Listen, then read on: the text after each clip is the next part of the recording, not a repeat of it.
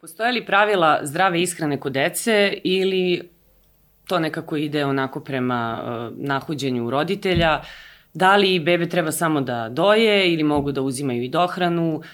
Kako tinejdžere, adolescente da sačuvamo od brze hrane i ako ponekad pojedu neku brzu hranu, da li će to da im ošteti uh, organizam u potpunosti, hoće li biti posledica ili neće, o tome razmišlja svaki roditelj od momenta kad se dete rodi pa dok ne odraste, uh, stalno je na tapetu ta zdrava ishrana, da li je jelo kuvano, koliko puta nedeljno, da li jede svaki dan ili svaki drugi, sme li da jede slatkiše, hoće li dobiti diabetes ili neće, gomila, gomila pitanja i nikad ne znamo da li da slušamo E, bake i deke ili da se edukujemo kroz literaturu, da pitamo stručnjake ili možda sve to onako zajedno u jednom paketu, pa da vidimo šta će, šta će da ispadne. E, dogod su deca, ono što kažu pod našim krovom i dogod imamo koliko toliko kontrolu nad, nad njihovom ishranom, njihovim obrocima. E, o svemu tome naši e, današnji gosti u Mamazijani možda mogu da kažu nešto više i e, pametnije nego ja svakako, o, iako sam roditelj, ali ovaj, nisam baš nešto stručna za, za ishranu, ni svoju, ovaj, a kamoli e, dece.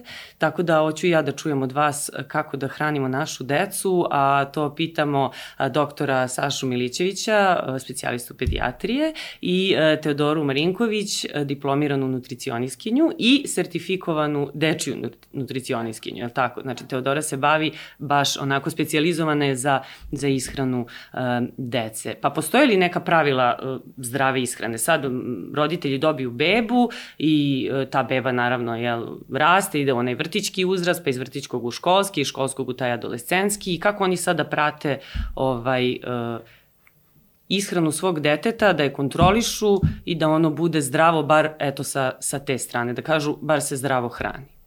Dobar dan, Ana, pre svega moje poštovanje, još jednom hvala puno na pozivu. Kad je konkretno zdrava ishrana u pitanju, e, ne postoje e, striktna pravila, neki ustaljeni temelji, tako da kažem. Ono zašto se ja zalažem kao nutricionista, šta preporučujem i, e, da kažem, starim klijentima, pošto radim i sa starim ljudima i sa decom, to je da što manje kupuju, da bude što više spremljeno, što više prirodno i što više domaće. Tako je. Kako bismo imali što manje posledica. Jedna od posledica nezdrave ishrane je zapravo i ta gojaznost. Gojaznost je danas jedan jako veliki problem u svetu i prema nekim uh, poslednjim istraživanjima Svetske zdravstvene organizacije, uh, nezdrava ishrana koja ima za jednu od posledica gojaznost je stavljena na treće mesto po vodećim uzročnicima bolesti i smrtnosti u svetu, bolesti poput to doktor bolje zna, kardiovaskularnih, malignih bolesti, oboljenja štitne žlezde, diabetesa oba tipa, do nekih, da kažem, modernih bolesti poput insulinske rezistencije i slično dok su na prvo mesto stavljeni alkoholizam, koji je jako bitna tema po mom mišljenju, i na drugo mesto upotreba duvanskog dima i narkotika. Sva ova tri uzročnika čine jedan skup zdravog života i po mom nekom skromnom mišljenju jako je malo vremena posvećeno danas u tome da smanjimo konzumiranje svih ovih uzročnika, pogotovo kod dece, koja je i tema danas, deca, kako bismo imali što manje posledice, jer ako ovako nastavimo, posledice će biti sve veće i veće. Posledice su bukvalno katastrofalne. E sad, ako pričamo konkretno o deci, o dečoj gojaznosti, jer jel te deca su naša budućnost, one su i najbitnije, dosta je uzročnika za nastana gojaznosti, tako da kažem. Ja ću svakako na prvo mesto staviti roditelje. Zašto roditelje? Da me neko ne shvati u nekom a, pogrešnom kontekstu. A, svako dete, da kažem beba, do svoje prve godine života uvede 90% svih namirnica. Ajde da kažem, ostavit ćemo te neke alergene koje se uvode do treće godine, poput orašastih plodova, jagode, meda i slično. Međutim, do svoje prve godine a, beba je uvela skoro sve namirnice. I šta se onda dešava? Roditelji misle, aha, sada smo sve uveli, sada možemo detetu sve da dajemo. I onda onda krenu detetu da daju sve i svašta. Apsolutno. Kad kažem sve i svašta, mislim uh, na namirnice koje su inače danas nedozvoljene, koje mi konzumiramo u manjoj i većoj količini poput uh, konditorskih proizvoda, slatkiša, grickalica i tako dalje. I tu nastaje najveći problem, jer svako dete u tim nekim početnim godinama kreće da stvara svoje zdrave navike i onda roditelji krenu da ga, da ga bombarduju svim tim i bukvalno ga zbune, tako da kažem. Tako da roditelji su, da kažem, e, prva ta linija odbrana, ajde tako da se izrazim, u svemu tome. Ja ću ukratko, koliko mi vreme dozvoljava, ako mogu, samo da, eto, posavetujem roditelje sa neke tri metode koje ja svima preporučujem, kako i mojim klijentkinjama koje mi se javljaju, tako i svim ljudima koji me pitaju za savet. Ne znam sad koliko imam vremena, ukoliko mi vreme dozvoljava, samo ukratko da objasnim. Na primjer, postoji jedna metoda u mom priručniku Moja zdrava beba koju, vi, koju možete vidjeti na mom sajtu dečinutricionista.com. Uh, jedna metoda koju ja rado preporučujem svim roditeljima koja glasi ovako. Uh, šta današnje dete uh, traži nedozvoljeno da pojete? To je eventualno nešto slatko ili neku slanu grickalicu, tako je. Ja kažem, nemojte biti striktni. Vi da, da, dajte svom vašem detetu da jede, ali mu dajte uslov, recite mu, ako hoćeš, na primjer, da pojedeš čokoladu, neka ti uslov za to, na primjer, bude neka voćna salata od tri vrste voća. Ako hoćeš, na primjer, da pojedeš nešto slano, neka ti uslov za to bude, na primjer, čini orašastih plodova, bademi, lešnici, kikiriki, semenke, suncokreti i tako dalje. Ova metoda se, verite mi, u 90% e, slučajeva ispostavila kao e, uspešna. Neka deca nakon e, tog, da kažem, tanjira voća ili te čini orašastih plodova nisu uspeli, na primjer, da pojedu neku čokoladu, eventualno nešto slano. U suštini ne može vam štetiti. Može samo biti na korist, tako da kažem. I glavni cilj ove metode jeste zapravo da a, mi a, svom detetu a, kroz vreme, da njemu jedina asocijacija na nešto slatko ili na neko grickanje postane zapravo voće, eventualno nešto slano, što bi bilo super. Takođe, samo ću ukratko reći još dve stvari. Opet kažem, ja nisam striktna kada je nezdrava ishrana u pitanju. Svaka čast roditeljima koji su svoje deci usadili 100% zdrave navike. Ja ih nisam upoznala, ali svaka čast. Ali ono na što roditelji moraju obratiti pažnju, to su tri stvari. Prvo je kad se detetu nešto daje. Ako već hoćete da mu date, daću primjer čokoladu, zna se vreme. To ne može biti ujutru, eventualno uveče. Može biti, na primjer, u okviru voćne užine. Drugo pitanje je koliko se daje, misli se na količinu. I ako već je uzelo da pojede tu čokoladu, neka to budu red 2, da to ne bude cela čokolada. I treća stvar je koliko često možemo mu davati, na primer, e, e, treći, svaki treći, četvrti dan, da to ne bude svaki dan, eventualno više puta u toku dana. Tako da razumete, to su te neke stvari i kao najbitnije na, na kraju od svih tih, da kažem, metoda jeste ta da roditelji moraju biti svoj, najbolji uzor deci. Jer ne možete vi nešto da propagirate ako se vi sami ne zalažete za to. Kako će roditelj koji se sam hrani nezdravo da ubedi svoje dete da ono treba da se hrani zdravo? Znači, apsolutno samo neki balans u svemu tome i da mi kao roditelji, jer deca gledaju u nas, kad je vaspitanje u pitanju zdrave navike i sve, samo da mi njima budemo dobar uzor i da, eto, koliko toliko u ovom, da kažem, ludom vremenu uspemo da, da ostanemo zdravi pa i u tim zdravim navikama. To je ovaj, to smo u Mamazijani više puta ponovili da je u stvari model mnogo važniji od priče.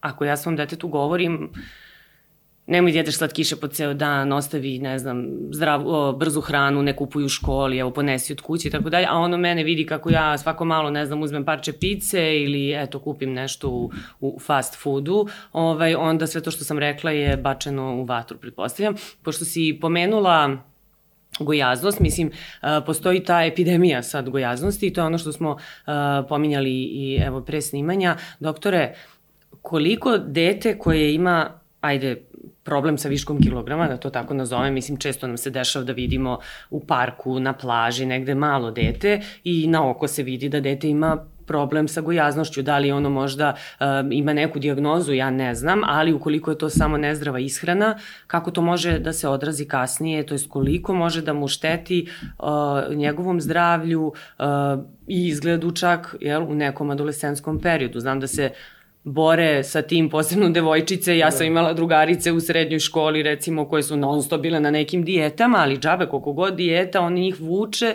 da jedu ovo što je Teodora priča, one su navikle u onom naj uh, ranijem dobu da ono kad su nešto se unervoze ili im je dosadno da uzmu, ne znam, slatkiše i tako neke sokove koji su ono puni šećera, mislim, katastrofa. Kako da se oslobode od toga i šta to čini njihovom organizmu? Da, pre svega gojaznost je bolest. Mislim, to moramo da budemo svesni. I sad da kažete nekoj majci, vaše dete je bolesno, ako ona kaže, od čega vi kažete, pa da je gojazno. Ona rekla, majte, doktore, mi ne shvatamo ozbiljno. Znači, po klasifikaciji Svetske zdravstvene organizacije, to je zapravo diagnoza. Dakle, svaka osoba koja je gojazna ima zapravo oboljenje. E, problem je u tome što je gojaznost, kaže, jedna bolest koja se tako lako diagnostikuje, jako se teško leči. I drugo, to nije akutna bolest, znači nije to neka upala pluća, pa ćete odmah videti dete kašlje, loše jede, nego gojaznost, ma dobro. I ona naša čujena rečenica, on će se izvući kad bude kad bude stariji, znate, ili ono kad nekog vidite se malo goje, kaže, vidi ga, popravio se. I to je ono babski, da, kaže, o, jasno. vidiš što je zdrav. Kaže, da, popravio, možda sam pokvario. Da. Šta znači, e, gojeznost je zapravo, znači, višak masnog tkiva. Dakle, nesled između onoga što unesemo, onoga što trošimo i to je dosta teško uspostaviti. A, lako je prišti, pogotovo kod beba. Znači, kad dođe beba na svet, onda roditelji, da, srećem, postoji to dojenje, onda majke vidi koliko doje, kada doje. A sa dojenjem nikad ne možemo da pogrešimo. Naravno, postoje majke koje iz različitih razloga ne mogu da doje ili nemaju dovoljno mleka ili možda koriste lekove, pa je to kontraindikovano i to treba poštovati, onda se koriste različite formule. Ali dojenje treba uvek, to je ono prva, prva stvar koju, koju bebu zapravo uvodi u život. Kažu da iskonski, prvi iskonski strah bebe zapravo svih nas zapravo strah od, od gladi i to ostaje tokom čitavog života, kasnije se to malo izvitoperi. Pa ta hrana koja nama treba da pomogne, ona nama služi zapravo često i za potkupljivanje dece i za, i za neko, neko vrstu uživanja, da to je jedna vrsta zavisnosti. Kad bi mi zaista jeli onoliko koliko nama treba, mi bi mnogo manje jeli nego što nam je to potrebno, sve naravno sportista koji znaju da spostave balans i gde postoje stručnici koji će im reći kako to treba da rade. Međutim, to je dosta teško i drugo, jako je individualno. Znači, ne postoji ništa, nije to kao kao, ne, kao recimo boginja ovče, znači otprilike kod svih isto. Goznost je različita. Naravno pričamo o goznosti koja je uzrokovana unosom hrane. Ne, ne pričamo o goznosti recimo kod pacijenata koji koriste različite lekove, recimo kortikosteroide, pa zbog toga budu gojazni. To je zaista oboljenje. Mi pričamo sad o goznosti koja je uzrokovana prevelikim unosom hrane, a premalim trošenjem. E, nasledđe je jako važno, ali nije najvažnije. Nije najvažnije imati puno dece koja, baš zato što se mama i tata buckasti, imaju prekomernu težinu, da ne kažem debeli, da izbegnemo, kao, mada su oni svesni da, ovaj, da svesni su da, da jesu. Problem, da, da imaju problem. Tako je. E, tako da je, vrlo je važan taj od samog starta Znači, sam start je tu jako, jako važan. E, danas je jako teško doleti ovoj industriji i svemu, znači mi prosto svima nama je jako teško. E, nikad, mi se, čini se, nikad više nismo imali savjeta, nutricionista, e, savete za ishranu, a nikad nismo imali više debelih ljudi. Nešto tu nije, nešto nije u redu. Hrana nije više samo potreba, nego je, nego je zaista i jedna, jedna vrsta zadovoljstva. Još 2006. godine je rečeno da više ima gojaznih nego pothranjenih u svetu. Zaista čovjek bi pomislio kako je to moguće. Tako da imate puno vi siromašnih ljudi koji su debeli, imate puno bogatih ljudi koji su previše mršavi. Dakle, rekao bi čovjek ovaj, bogati ljudi jedu sve. Sad se to okrenulo, nekad jedu previše u drugu krajnost. Ali jednostavno kao jedna svetska populacija, kao jedan deo životinskog sveta, mi smo malo tu zastranili. Um, u životinskom svetu, sem ako mi ne hranimo svoju kucu previše, svoju macu, ako ne kljukamo, ona neće biti debela. Ali mi smo drugačiji. Znate, gledajući non stop nosto gledajući bilo šta na ekranu, čitaju nekako je, pro, pro, šta ćemo da radimo s rukom, nego dajte nešto da, da grickamo. E to onda pravi problem, to zbunja naš organizam i pravi zapravo taj problem koji, bude, koji je jedan od razloga za, za tu gojaznost koji je vrlo važan zdravstveni problem. Ne samo, samo zdravstveni, nego to je sociološki problem, to je jako važno. Mi jednostavno gubimo trku sa gojaznošću, to To da, imate, imate ovaj problem, dobro, Teodora recimo pomenula roditelja, roditelji naravno, mislim, moraju da imaju kontrolu nad, nad uh, ishranom deteta, ali uh, imam primer uh, mog sina koji kreće neki film koji gleda ili crtani, e, daj mi nešto da gricnem. Zašto sad da gricneš malo presijao? Pa da li, kao počinje film. Pa kakav vez ima film sa, sa griskanjem? Pa kao, kako sad da gledam film ili crtanje, a da nema neku činjenicu ispred, pa sad ne znam, kokice, štapići, tako neke ovaj, gluposti ili nešto slatko. Uh, Tako da to da. iz nekog razloga ovaj, je povezano, a imamo onda i onaj uh, faktor bake, koje recimo ne čekaju da dete traži slatko. Ajde ako dete traži, što kaže moja mama, znači traži organizam, treba dati, ne znam, red čokolade ili da pojede jedan sladoled, nije, je tako, smak sveta. Ali ako mi nutkamo, e, evo ti kolač, e, evo ti, ajde probaj, ajde probaj, sad on uzme, proba, jede, a ne jede mu se, znači organizam ne traži, pretpostavljam da je to onda moment kada se ti kilogrami talože i onda vremenom organizam stiče, stiče zavisnost, je li tako? To je na neki način kao bolest zavisnosti, jel? Od hrane, ono, kopanje po frižideru, po fiokama. Ovaj... Tako, znači mi mašimo na tome, kada čovjek nešto nervozno, to da. od malih nogu, znate, recimo, kod dete nemirno dođe kod doktora pa plače, e sad će mama da ti sebo mu da čokoladnu bananicu i mali jede, neka, ali on će tokom života stvoriti uh, tu lažnu viziju da će ta hrana biti rešenje za mnogi njegove probleme. Yes. Zato imam na to puno debelih, razvodim se pa sam se ugojila ili ne znam, bilo šta da bude. Ovaj, jednostavno stvaramo to, aha, evo, sad ću ja, vidim recimo kad dođe ordinacija, to non stop nešto jedu. Da li to dete mora brate non stop da gricka nešto? Može li ono da, da ima doručak, ručak, večer, ok, užinu, ali deca non stop ima, oni prosto imaju, njima je ovo, znate, ovaj potez i kasnije kad malo porastu, onda su to društvene mreže. Ili prosto oni ne shvatljivo da nešto sad gledaju, a da, da nešto ne jedu. A, I onda se postoji pitanje, čemu to toliko? Nekad više vodimo računa gde ćemo sipati benzin neko ono što unesemo u sebe. Znate, izazovi su velike, zaista. Da god se okrenete sve to lepo, sve to ukusno, oni se jako trude. A, kuće koje to prave i naučak da im zameri i da bude lepo ukus i da bude da lepo izgleda i te različite veštačke boje koje mogu da uzročice različitih alergija, problema sa varenjem. E, šta to znači biti, kakva to torta koja ima tri boje neke tamo zelena, naranđasta i crvena, ali da će uvijek to hteti. Staju tim bojama, ne, da, jedemo jeste. boje. I onda, I onda se desi da dete dobije alergiju, pa onda pitate, a mama šta je on jao? Kaže on sosu. A onda mama kaže, da to on je pio ovaj sok, onaj sok i treći sok, pa jao jednu tortu i drugi kolač i posle toga šta je, da, posle jao grickalice. Ko je sad taj pametan čovjek koji će reći, pa ne možemo da uradimo i sad alergoprobe na sve to. Ok, grickalice, sve to ok, ali ako neko ima sklonost, recimo, ka alergije na kikiriki, onda bi trebalo to da izbegne. Ali to je jako teško. Onda vas dovedu u tu situaciju da praktično sve što je dete unelo, još kaže, još su ga mazali nekim bojama, I, doktore, na šta je dete alergično?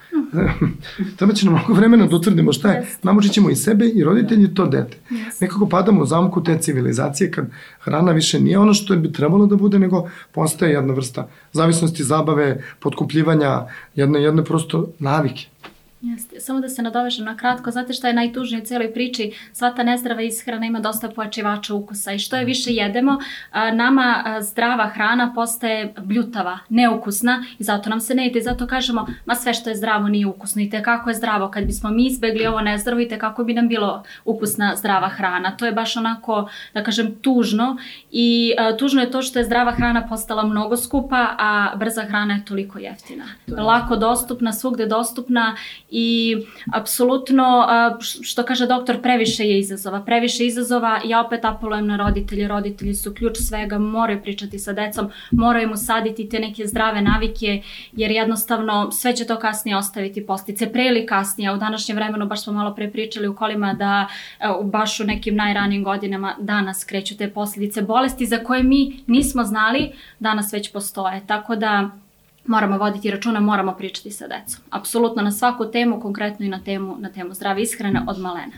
Vi imate recimo u ovim prodavnicama prehrambene, prehrambene prodavnice, znači, ne znam, 3, 5, 7 onih redova punih tih uh, čipsova, slatkiša, mislim, svega ste, to su sve raznorazne kesice, boje ambalaže koje to privlače i oko, ja, mogli bi da probamo ovo, mogli bi da probamo ono. Uh, on imate klince, mislim i moje dece, verovatno i, i većina druge dece, ja ovo nismo probali, u vidi ovo što dobro izgleda, redko ko uzme pa sad pročita ovaj, one specifikacije to šta, šta sve sadrži, ali mislim manje više to jeste gomila ovih emulgatora, aditiva, dodataka, šećera, ovaj, a možda bude jedan ili dva ona rafa sa zdravom ishranom, sa koštunjavim voćem i tako, mislim, nešto što je zdravo, a opet, jel, to im je, e, fuj, bljutavo, bezukusno, ali kao nema veze poješću, jel moram, to je zdravo, poješću, ne znam, jednu šaku badema, ali posle mogu celu čokoladu, pošto sam jela ove bademe i to je kao, jest. A onda s druge strane imamo i ove čitave bulevare brze hrane, koje, mislim, posećuju već klinci u, ono, stariji osnovci. Meni, recimo, moj, moje dete kaže, ja i dalje pakujem deci ovaj doručak, spremim ujutru, imaju one kutice i sad ova čerkica je mlađa, naravno, oni svi nose nose užinu, no, no, otvore pa jedu sendvič i neko voće na, na odmoru. Međutim, ovi stariji već od petog, šestog, to je blam. Kaže, mene je blam, što mi pakuješ sad tu kutiju, šta ću ja s tim? Oni svi idu i kupuju hranu. I sad kao sramo, i čak i neki koji donesu, oni ne izvade to, nego ono šteknu, sakriju u ranac i kao ponesu neki džeparac i imaju tu, naravno, kao i svaka škola, tako i njihova, brzu hranu, onu kao kiosk brze hrane i to su redovi, to kaže čim zvoni svi izleću, idu tamo i čekaju i to su najukusniji sendviči, hot dogovi, pljeskavice, to je osnovna škola. kako sad mi da imamo kontrolu nad Da, jako, Kako da ih teško, sačuvamo, da. ne možemo da im kažemo nemojte da gledate ili to jedu sva deca, Da. to je nezdravo, a ti nemoj, sad su oni svi ludi jedu nezdravo, a ti ćeš, ovaj, dete moje da jedeš brokoli i Brokoli, da, nešto će ga biti sramota. I Znate, često se čuje rečenica, kažu roditelji, majke i očevi, da ne spomenu samo majke su krive, kaže, ma meni je važno da pojede pa bilo šta. Znači, nekako njima Yes. to je najpraktičnije, najjeftinije, oni mu daju pare, on kupi parče pice, kupi gazirano i gazirano piće, kaže, a mi smo zadovoljni, on je zadovoljan. Ali zaista to nije to. Dete mora da bude jako veliki karakter da bi sad ponao i da jede nešto. Mene je bila sramota kad sam bio mali, da jedem sendvič koji su mi pravili, pa sam ga krišom ja. Znate, i onda prosto me sramota, ta sam da ga menjam. Niko nije to se menja sam. A, e, međutim, da deca su mala, roditelji moraju, moraju da pričaju, jer izazove velike, zaista kad uđete u prodavnicu, ono što je zdravo, to je tako nekako skromno upakovano. Znate, prosto vas ne interesuje, a ne dete. A ono što je izazovno, i onda dete, juri sad, roditelji prave živi zid, tamo brane, oni prosto brane zdravlje svog deteta od ovih stvari koje su toliko izazovni i koji ispade čovjek zločin. Roditelji me žao da se upitaju gde je prava mera. Da li dete sme da jede sladoled? Zašto da ne ponekad? Stomatolozi se možda neće, kolege će neće vidi ga, ok, ali ponekad može, pa i slatkiš, pa neće detetu ništa biti, važna mera. Nekad imam utisak kako se detetu brani da će on onda krišom, znate, uvek, uvek postoje šansa. Ja kad sam bio mali, ništa mi nisu davali mnogo jedem čips, pa sam ja se snalazio i za dva dinara tadašnjih sam to kupao tamo i jeo da vidim kako izgleda taj čips. A, brali su mi za, da ne jedem mnogo, Ali znate, de, de, deci treba objasniti, uh, ja, jako je to teško. Trebalo bi postoji zdravstveno uh, vaspitanje. Ne u smislu da se to cenjuje, pa dosta deci više ocena, pod preopterećeni su. Ali nešto što bi moglo da bude, recimo, zdravstveno, eto da kažem i seksualno vaspitanje, da deca znaju neke elementarne stvari. Ne može se sve saznati sa interneta i od drugara, drugarice.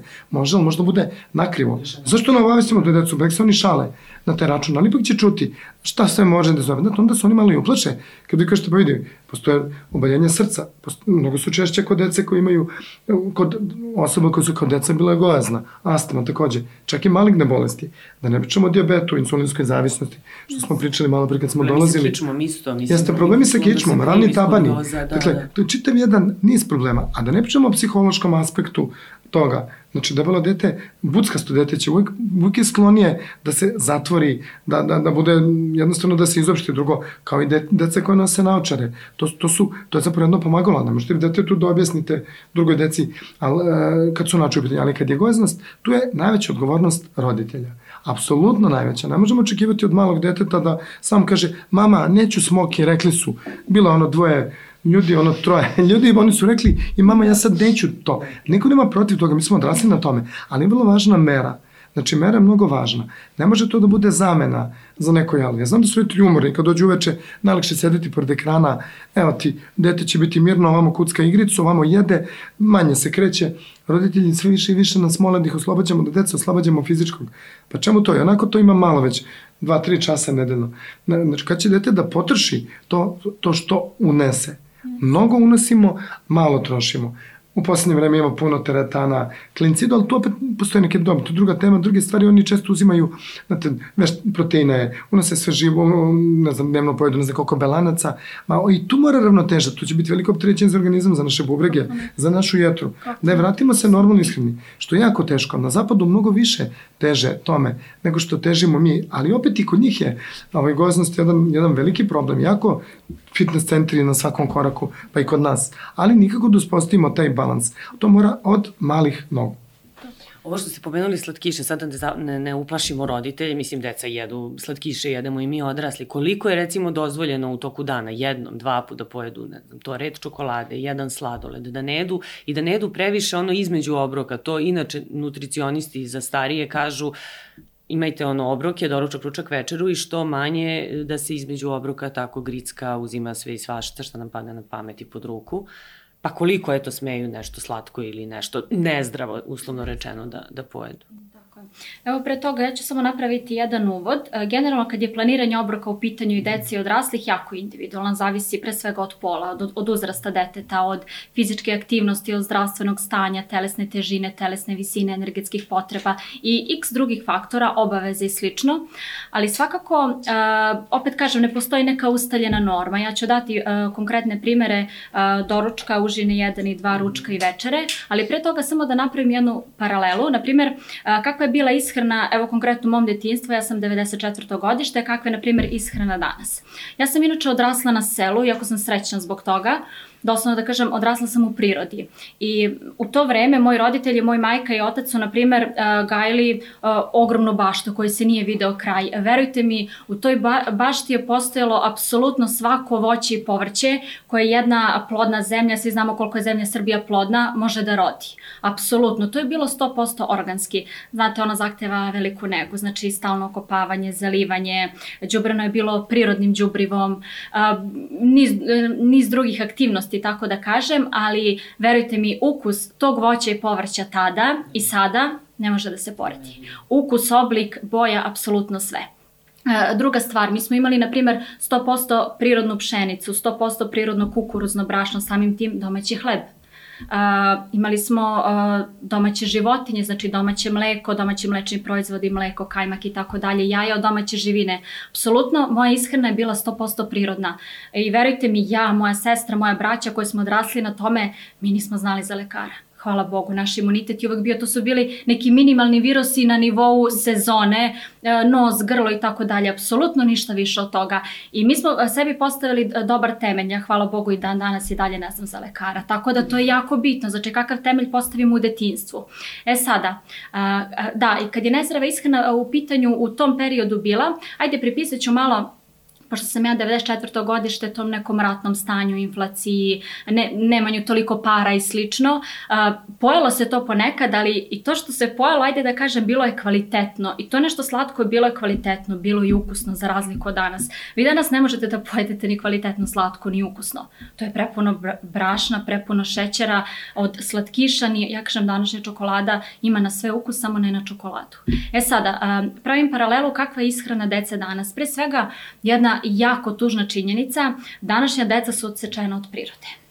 A, nemojte mi reći da je odlazak u park a, boravak u prirodi. To nema veze sa prirodom. Svakako bolje dete da ode u park nego da sedi kod kuće za računarom, ali a, kak, a, e, priroda čoveka kakvu potrebu ima za prirodom e, i sa ovim danas deca koje koje su previše na betonu u gradovima, to nema veze. To je jedna jako tužna činjenica, jako pogubno za svakog čoveka, tako da kaže. Kakva je ishrana dece danas? Opet razlikuje se od pojedinca do pojedinca. Ja verujem da se svaka majka trudi, ajde reći ću majkar, majke većinom vremena provode u kuhinji, da se trudi da svakom detetu obezbedi neki zdravi obrok. Opet kažem, nisam striktna, jesam za, za ne, ponešto nezdravo, ali da to ima meru i granicu. Ali ono, zašto se ja zalažem i sa mojim klijentima i u životu, to je kao što sam već i napomenula, što manje kupovno, što više spremljeno, što više domaće, što više prirodno. Apsolutno. Ja ću konkretno navesti neke primere doručka, užine, ručka, užine dva i večera, eto koje sve majke mogu da primenjuju. Apsolutno tu ne postoji nikakva velika filozofija. Kad je doručak u pitanju, milion primjera je zdravog doručka. To može biti domaća proja, proja domaća palenta, na primjer sa nekim mlečnim proizvodom, jaja, sir, hleb. Gledajte da spremate hleb, znači što manje da kupujete. Um, možete jesti e, žitarice, ovsene, ražene, ječmene, pšenične, sa suvim voćem, sa sezonskim voćem, sa mlečnim proizvodom i tako dalje. Apsolutno x je primjera zdravog doručka koje danas dete može da pojede kad je, ručak, e, kad je užina u pitanju, e, prva užina mahom neka bude voće. Tri vrsta nekog sezonskog voća ili god imate u, koje god imate u kući, ali najbolje da bude sezonsko. Slobodno pojedite 400-500 grama, iako to deluje količinski mnogo nije. Apsolutno svako dete od 15 godina može da pojede voćnu salatu od 400 grama, kad može da pojede čokoladu, može i to. Kad je ručak u pitanju, obično se zalažem za ta neka tradicionalna jela na kojima sam ja odrasla. Kuvani pasulj, kuvani grašak, kuvana boranija, sarma, e, punjene paprike, paprike, đuveč, pilav, kuvani kupus sa nekom sezonskom svežom salatom, krastavac, paradajz, e, zelena salata, iceberg, šta god imate u kući. Apsolutno nikakva preterana filozofija kakvu pompu danas prave od te zdrave ishrane. Užina dva može biti ne mora, to može biti neki smuti, opet neko voće. Kad je večera u pitanju, e, deca nikako da ne idu gladno ako pričamo o deci u krevet, samo neka to bude neka laganija večera Apsolutno, e, cezar salata, tuna salata, opet neki mlečni proizvod, jaja, šta god, ali nikako da ne idu gladno u krevet, samo da gledaju da bar sat vremena pre spavanja ne jedu, kako bi imali mirni san, kako bi se to lakše svarilo i eto da bude neka laganija večera. Znači, apsolutno nikakva posebna filozofija, samo gledajte da deci što više spremate i da što manje kupuju. Da bude danas koliko je to moguće u današnjem vremenu a, prirodno. Eto, to je otprilike neki moj savet svim roditeljima danas koliko mi vreme dozvoljava. Da. Dobro, a mogu li, mogu li ponekad da pojedu neku brzu hranu, recimo ako odemo na odmor, pa sad ne, Absolutno. neće mame da kuvaju, da spremaju, idu Absolutno. na, po ceo dan na plažu, tu je negde parče pice, palačinka, Gyros, nije, gyros. nije katastrofa. Gyros, apsolutno, mislim, apsolutno, mislim, živi smo ljuti, ja opet da, kažem, da. nisam striktna, može naravno, ali opet kažem, moramo se voditi sa ona tri pitanja koje sam rekla na početku, na početku kad se nešto jede, koliko količinski se jede i koliko često. Znači ako jedemo da to ne bude a, svakog dana, da to ne bude u bilo koje doba dana i noći, da to ne bude u nekim enormnim količinama. Eto, znači samo da imamo neku meru i granicu u svemu tome. Možemo, se, možemo na primjer, napraviti sebi neki, kako popularno danas kažu, cheat day. Na primjer, tog dana da jedemo sve nezdravo. Ja se ne zalažem, ali znam da ga mnogi primenjuju. Na primjer, mesec dana baš vode računa, onda jedan dan odvoje. I onda su propast. Jeste, nema veze, neće mnogo štetiti taj jedan dan. Ali svakako, ja sam uvek više za neki balans. A da, do kad je, koji je rok neki za večeru? A, zavisno se od spavanja. Mislim na satnicu. Tako, da li ono do 7 uveče da večeraju ili do 8, do 9 ne, ne večeraju u 10, 11 uveče. Ima dece koje jako kasno ležu u krevet. Ima, ali mahom ta onda deca možda i kasnije ustaju, pa se, ta, pa se to vreme za obroke pomera. U suštini, ako na primer vi ležete u 2, vi slobodno možete večerati u 9, ako ste gladni možete uzeti, na primer, neki mlečni proizvod oko 11, neće to biti ništa strašno, samo gledajte da to bude nešto laganije. Znači, upravo zavisi od toga kada ležete. Ako vi, na primer, ustajete ležete u 12 uveče, a ležete u 2 ujutru, sigurno vam neće poslednji, poslednji obrok biti u 6 niti se nemojte voditi time, neću jesti posle šest. Hrana je kalorična kad god je vi jeli. Apsolutno, ako ste vi u kalorijskom, u kalorijskom suficitu, vi ćete se gojiti kad god vi jeli i ujutru i uveče. Tako da eto, samo treba da pratimo tu neku satnicu između, između obroka i opet sto puta sam spomenula samo neki balans u svemu tome. Mera, Verujte mi, da. apsol, kao i za sve u životu i nećete pogrešiti. A e, postoje li godine kad je e, kasno da se isprave greške, neki uzrast u stvari kod deteta gde kažemo gotovo sad imaće problem sa viškom kilograma, sa ne znam, srčane probleme, ovo što smo već pominjali, e, kičma, taban i tako dalje. Sad se proširio želudac, evo znamo, mislim, ove nepopularne ovaj, primere naših uh, zvezda, da ih sad ne imenujemo, ali oni tako reklamiraju da su išli na, kako ono kažu, sužavanje, ja? to je sužavanje že, želuca, a, pa se odjednom pojave, izađu iz bolnice, ne znam, 30 kila mršavi da, da, da. i onako samo se stanje. Izvini što te Mislim, prekidam, to, ali da, svaka, uh, svaka od tih operacija je bila toliko opasna po život yes. da su mnogi jedva izvukli živu glavu. Tako da, uh, da zapitat ćemo se da li to uopšte Jeste, da, to je to operativno lične goznosti da, koji dolazi tek na kraju i to zaista u strogo indikovanim uslovima. E, Međutim, da. znate, nekad su spremni ljudi da plate, bogati, on će da plati, ne mislim da se vrši, što kažete vi to, jednostavno sužavanje želuca ili stavljanje kuglice želuc koji će dati utisak sitosti. Dakle, zar je moguće da ta osoba ne može da, do, da dođe do nekog, nekog vrsta izlečenja, nego mora da dođe do hiruškog, znači da se prosto mehanički spreči a, punjenje želuca. E, nikad nije kasno da se čovjek izleči, samo ako baš nastane neka hronična oboljenja, ali i tad može to da se leči. Dakle, prva stvar koju će pitati lekar kad, to, ono, kad dođete kod recimo kardiologa, kaže da li ste nekad bili godin, ste bili godin za detinstvo. Ako kažete, kaže dobro, hvala, e, ali zato ja, ne, ne, hvala, idemo dalje. Nema objašnjenja, bili ste gozni, da li kriv mama, tata. Goznost je jako, od tad već potiče. Ili diabet, pa kaže, ste bili buckasti kad ste bili jas. Ili za astmom.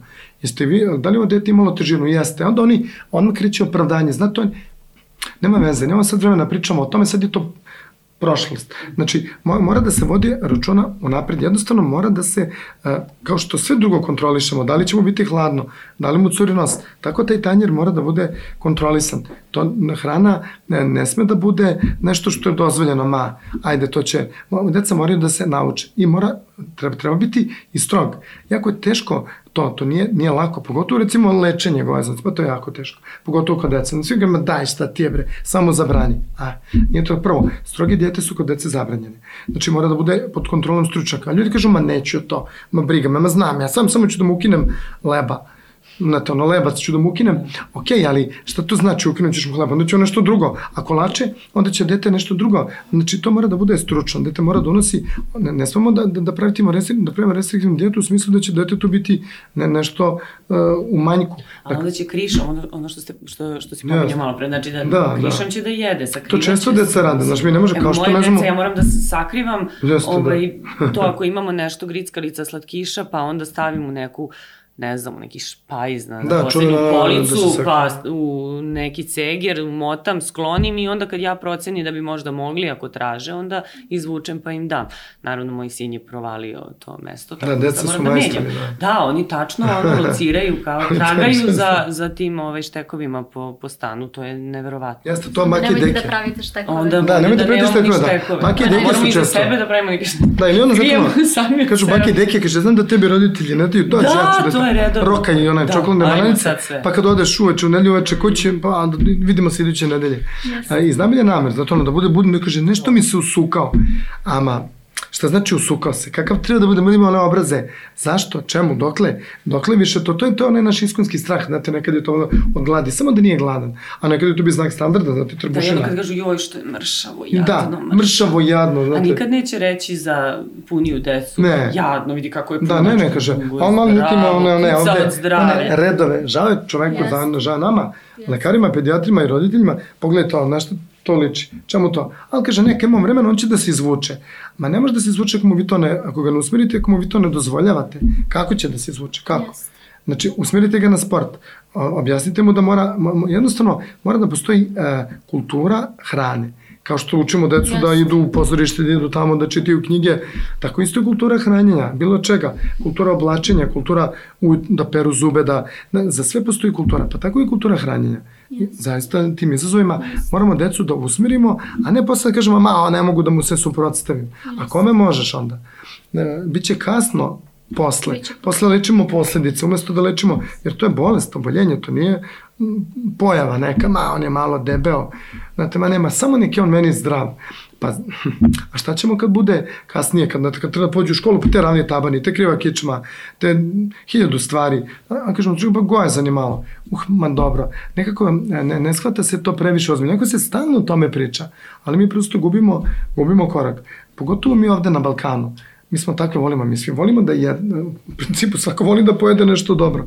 Da. Stvari u količini, stvari u potrošnji. Posle, pa ako ja nisam, ako sam ja No, evo, Nole, primjer, Nole.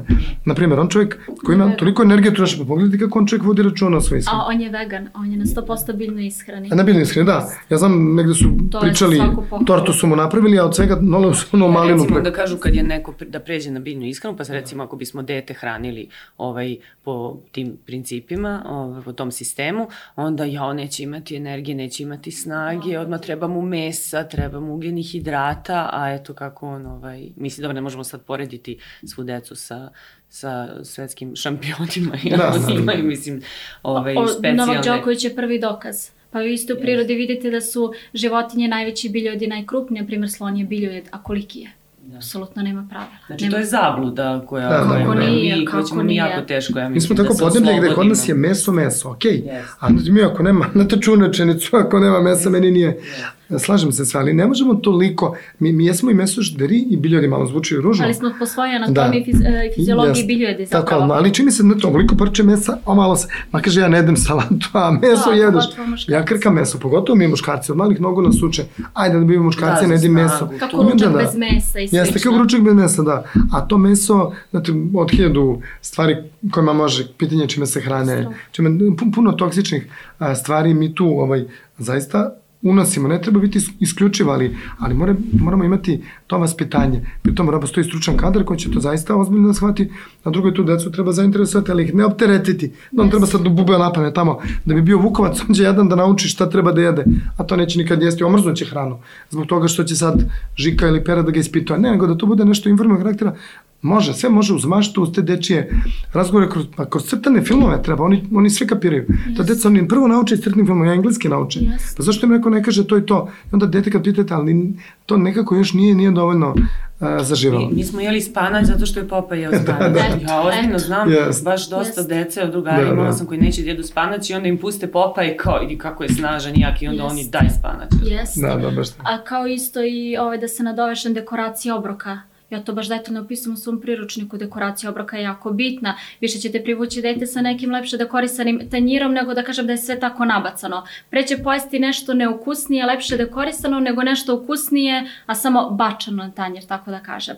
Mogu samo da se ukratko nadovežem. Možda i oni mogu da učestvuju u dekoraciji, recimo. Apsolutno, da, bit će im zanimljivije. Da prave, to je važno. ne znam, Absolutno. ono, usta od boranije i, i oči od, ne znam, rotkvice, recimo, pa napravimo neki, da, neki lik, nešto. Tako, mogu samo da se nadovešem na jednu jako bitnu stvar, nije toliko tema, ali svakako ima veze sa gojaznošću. To je uh, masovna upotreba uh, alkohola i cigareta među, -hmm. među tinejdžerima. Uh, uh, svako ko me zna, apsolutno zna da sam ja veliki protivnik alkohola i cigarete. Nisam to nikad u životu konzumirala. Znači, ja volim kada čovek ako nešto propagira, da se on zalaže za to. Apsolutno da bude model toga. I e, apsolutno nisam u životu nikad konzumirala niti bih. Nisu meni roditelji nikad branili, ali jednostavno ja sam znala da, da ja to ne smem, da, ja, da to nije dobro po mene. Apsolutno nikad. Skoro sam bila na jednom 18. rođendanu posle dugo godina gde sam videla a, devojčice 16-17 godina i njihovo ponašanje pod dejstvom alkohola.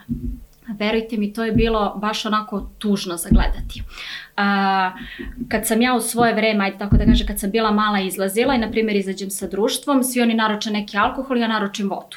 Meni oni kažu, znate omladina, ajde Teodora, uzmi neki alkohol, jednom se Opusti živi, jedna je mladost, da, da, po čemu da. ćeš da pamtiš mladost, uzmi cigaretu, ne. Ja nikad nisam htela, oni su mene, da kažem, žargonski rečeno zezali, ali su mene prihvatili, prihvatili tako kakva jesam.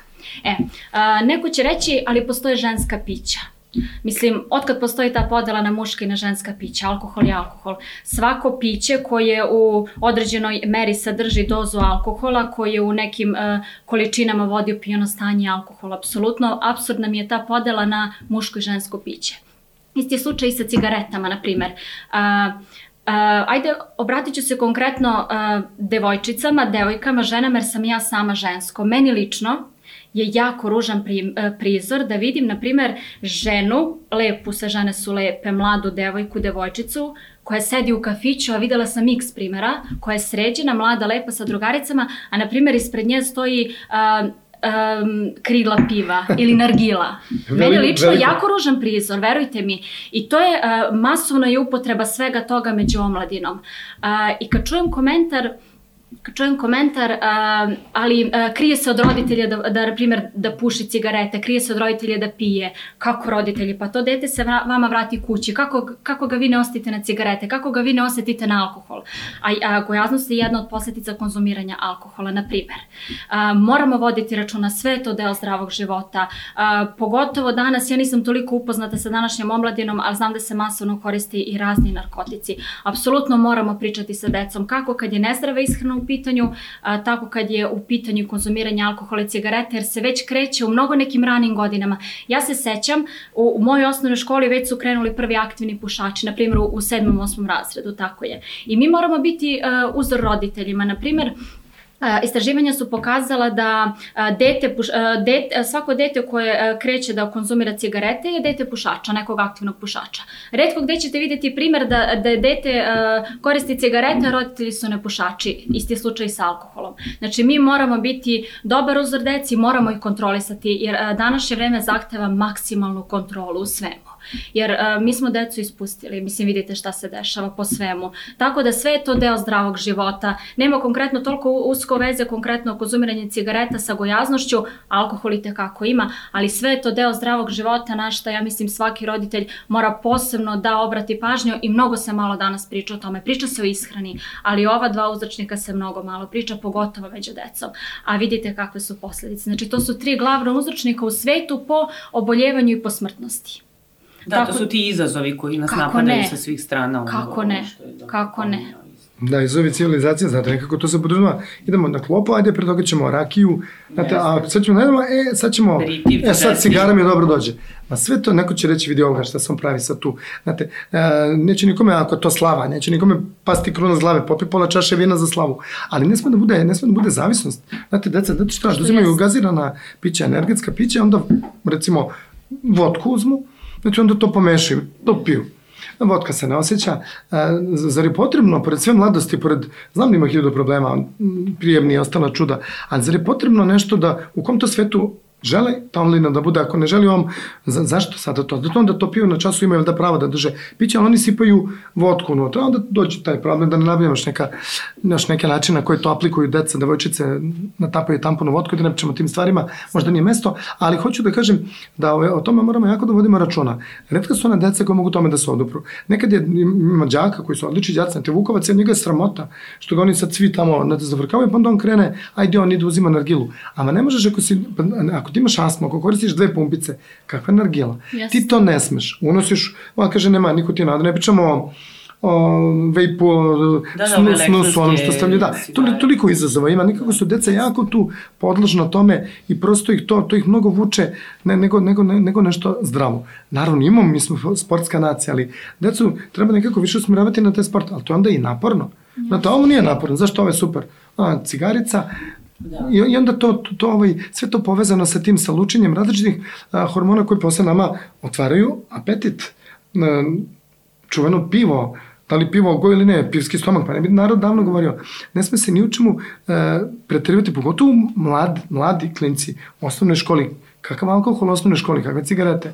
To je jako teško Da, se boriti protiv toga. Da, znate, nekad advokati dođu, recimo, roditelji vede advokata kao, kao, kako učiteljica smela da kritikuje dete, pa sad dete u stresu, jer mu je zabranjena cigara i sad zato puši. Majte, molim vas, ma nemojte on u stresu u sedmom razredu, pa zato sad puši zbog stresa. Šta će da radi kad bude imao? E, moramo jako da se borimo. Mnogo je teška ta borba. Mnogo, zato što je tu uključeno hiljadu stvari. Ali jednostavno ne smemo da posustanemo. Ali čini mi se da gubimo u tom ritmu sve ranije i ranije. To deca rade. Devojčice su još malo brže u tome. Valjda su, ne valjda, nego su prosto zrelije, nego brže. e, Ili hoće da budu malo I hoće starije da budu malo starije. Da mi malo Da. kaskamo ovaj mi dečaci malo mi dečaci ne ovaj mi muškarci malo ovaj zakasnimo ovaj tu ali i e, opet povučeni time da bi sad pošto ona puši sad ću ja da, da mislim to sve poznate stvari ali u, bo- sve mi to znamo ali u toj borbi smo jako, jako loši. To je mnogo naporna da. borba. Mnogo. Svi kažu pa šta da uradim? Kako šta? Pa znaš šta da uradiš? Nego, nije problem šta. Znaju svi šta. Nego je problem e, da li hoće ili neće. Umrani su ljudi, da ti neće. Roditelji su umorni. Nemam ja vremena sada da nemaš vremena, zato ti je dete takvo kako je tako. Ja radim, kaže, za njega radim i ja nemam vremena da mu, pa valjda će neko da ga, onda očekuju od škole, razumete, pa ne može učiteljica sa njih da, kako će ona, šta da na odboru da kaže nemoj da im tamo sprema. To je sve ovaj, jalov posao, jalov. To je, jako je teško lečiti pogotovo gojaznost, to je jako teško, dugotreno, Da. mnogo, to deluje lako, ali jako je teško, vrlo često se oni vrate kasnije, da te postanu, ponovno prosto im je useđena neka to su navika. kao one dijete koje dok držiš dijetu, sve u Da. redu. Ovaj, Posle toga da odustanu od svih tih navika. kilogrami, Da. posle Znate šta se kažu? Ja imam još čuveni 5 dana efekat. dijete, jedva čekam da, Da. mi prođe. Šta Da, da znači? mogu da jedem. Zašto si do sad Da. bio? Jedva čekam. Da. Znači, pa tih 5 dana imam da se narokam uh, hrane. Pa, e, nekako nismo dovoljno kao, kao ljudski rod, čini se, zreli da se, nismo dovoljno jaki. A, nismo, ali a, zato decu treba od malih nogu usmeravati, a ne sad svi sedimo zajedno a, buckasti, da je zajedno da, da pravimo tu hranu, da, da utičemo na tu decu, ako dete vidi da mama i tata jedu zdravo, pa i on će jesti zdravo. Ako je to non stop neka klopa koja je, koja je nezdrava, tako će i dete stvoriti svoje navike i posle će iz toga, posle ćemo lečiti bolest. Ako ne lečimo prevenciju, lečit ćemo Jeste, bolest. Da, ali imali smo ovo što smo pominjali, eto, e, onako da kažemo, buckasta jača deca pa su zdrava. To je ranije bio neki model, parametar kao navodno za zdravlje, ali opet s druge strane um, uvek se ponavlja ona priča uh, deca i ljudi uopšte koji žive na selu ranije, kad ih je mnogo više živelo na selu, pa eto kao kako su oni jeli jaku masnu hranu, recimo za doručak, slaninu, jaja, pogaču, kajmak, znači to je sve bilo na stolu i sve to danas kao joj masno je teško, ali oni Naprotiv, ali onda je bila e, ali onda je bila priča to em je domaće, zdravo je, nema aditiva, nema nikakvih dodataka, a posle tog doručka ta deca su išla napolje. Znači, ako su u školi, završe za školom, idu napolje, trče, jure. Zaboravimo se. Jeste, voze biciklu, uh, ti roditelji, ako rade na selu, u poljoprivredi, zemljoradnji, Deca oni su pomažu. isto napolju, ali Jeste. i oni hode, oni pomažu su u pokretu sve vreme. I sad mi ne možemo porediti uh, tu ishranu i taj način života sa ishranom, recimo, danas deteta u gradu i njegovim načinom života gde, nažalost, u 80% slučajeva, ajde ne kažem 100%, ali jedan, da kažem, veći procenat njih, posle tog doručka, ako ne ide u školu, ako je slobodno, ako je na raspustu, ovaj, sedne za telefon, za kompjuter, za TV i onda se Nema to ni da samo potroši. taloži, Jeste. jel tako? Jeste, jeste, apsolutno. tako Jeste, da, to je- aktivnosti dece postale ovo, da Da. te čak ima postavljena je dijagnoza upale tetive, a palca, to, to, to je fascinantno što ta deca rade, kojom to brzinom oni kuckaju. Vrat, vrat, da oni su stalno u ovom položaju, non stop. Znači, jednostavno to je nešto, to je jedan deo evolucije, ali moramo da učinimo nešto, ne mogu da budu jednostavno taj, taj položaj, pa to je sve povezano opet sa time, a još ako tu neka klopa, to je onda savršeno. E, e, gde kraja moj sreće, luče se endorfini, najao se, sad će da spava, roditelji mirni, super je, on je jako pametan, stalno je na tome. Ne, ne, ne može, ne može, e onda kreće. Znate, tek posle u pubertetu donekle devojčice, pa ih onda sramota, pa kad dođe matura, pa hoće da se utegnu, pa sad bi 7 dana pre toga, da li možete da učinite nešto da smršamo? Da, I dok odnotice oni, pa kako ljubavi misliš? Kako to može da bude? I dečaci, ali devoj, da, devojčice malo više. Pa ne može sad, čim prođe matura, opet ćemo. Ili kad dođe leto, dobro, onda malo je E, moje deca koje su u osnovnoj školi, pa sad čujem drugarice, kažu, ovaj, uf, treba da idem na letovanje, ali ne mogu sad u kupaći, moram da smršam. To su deca, to su, ovaj, to je uzrast osnovne škole, znači neki ono peti, šesti razred i one sad već razmišljaju kako moraju da smršaju jer je već tu Da. stomačić, a nisu to primećivale tamo oko nove godine i toko Jeste. Hoće nekad da se iznure, znate, jednostavno izbaci sve, hoće da se iznuri, to gladuje, to imunitet padne, to, to ni fizički ne može da izdrži, ali ona neće da jede da bi, pa čekaj, to nije u redu, ali ne, ništa ne jedem, ništa ne jedem, samo da bi smršala. Pa sad ne valja ni to, je sad je to što, šta ćemo sad? Pa ćemo da lečimo to, da ne, ne, ne kažeš kako bude anoreksiju i ostalo čuda, da. i svašta Da. nešto. Posle gub, gube meru, razumete? Posebno Drugo, u tom predpubertetskom, pubertetskom Jeste, uvijek se porede sa nekim tamo ko je idealan, ko je photoshopiran. A to je posebna tema. to, to je, Da, da. Ali moram da napomenem, jeste doba estetike, ali svakako mislim da, da smo prešli u neki period kada su izašle iz mode te neke anoreksične devojke, ako Da. ćemo ženama da pričamo. A, hvala Bogu, tako da da kažem u modi su te neke punije devojke, što i nama ženama iskreno odgovara, apsolutno, ali svakako, a, kažem, doba je estetike i devojčice preteruju ovo što ste rekli vi, Ana, mislim, osnovna škola, sedmi, osmi razred, to su deca. Mislim, apsolutno njih ne treba ni da za- zanima ni da li imaju viška, ni da li nemaju. Biće vremena i za to, neće im to pobeći, apsolutno, ali opet svaka moja priča se završi na tome roditelji. Roditelji moraju da rade na tome, roditelji moraju da pričaju sa decom. Apsolutno niko, niko njih neće naučiti ispravno to što kaže i doktor, ni u školi, ni učiteljica, ni nastavnici, ne, oni nemaju vremena da se bave time. Neshvatljivo je da dete u osnovnoj školi razmišlja o dijeti, stvarno. To je mislim, period kad svi treba da onako izgledaju najbolje moguće i da se hrane se i dalje kod kuće, žive sa mamom i tatom. Mislim, to Jeste. ta, treba da budu bezbrižni po tom Jeste. pitanju. I kad je uh, konkretno ishrana u školama u pitanju, uh, ja sam se, samo ću se nadovezati, ja sam, ja sam se ranije bavila istraživanjem konkretno ishrane u školama i u vrtićima, ali onda kad sam shvatila da se baš konkretno u školama mnogo razlikuje od škole do škole, ja sam odustala. I uh, kada u radu sa, sa svojim klijentima, konkretno sa decom, ja se samo posavetujem sa roditeljima, uh, ispitam kakva je hrana u vrtiću i na osnovu toga izrađujem plan ishrane. Međutim, ono što si napomenula na početku, Então, Ja se svakako zalažem za to dok deca idu u školu da deca nose hranu u školu. Zašto da ne? Današnje, današnje deca su surova, ja to znam. Ako dete bude e, ponelo hranu u školu reći će možda on nema para, roditelji nisu, nisu imali da mu daju para i slično. Sve to razumem. Opet dolazim do toga, morate pričati sa decom i objasniti mu da to nije sramota i zašto treba to da radi.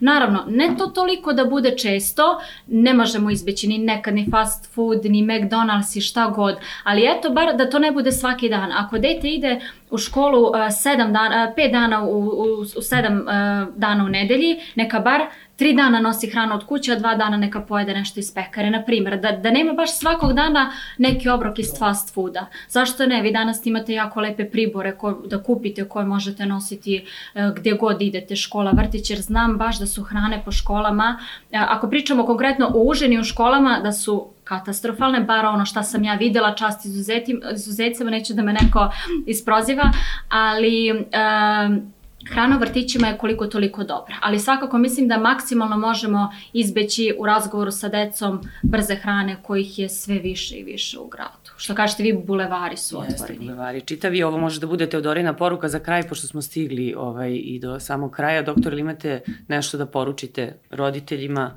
kako da spremaju, na šta da obrate pažnju. Evo, svašta smo nešto ispričali, a ako je ostalo da. još nešto da dodate. Znači, roditeljima više dosta savete, ja ih razumijem, stalno im Pa da. neko govori, pogotovo roditeljima dece koji su glazna, stalno im neko daje neke savete. Imam ja za tebe jednu djetu, sad ću da ti pošaljem iz negde Madagaskara tamo, ono, zato što je egzotičnija ili, ili na to baba deda Miloja nekog tamo, pa što neki što je sa veće vrške čuke, sad nekako se fasciniramo tim. A to u suštini tako, a, a, samo je potrebna ta upornost.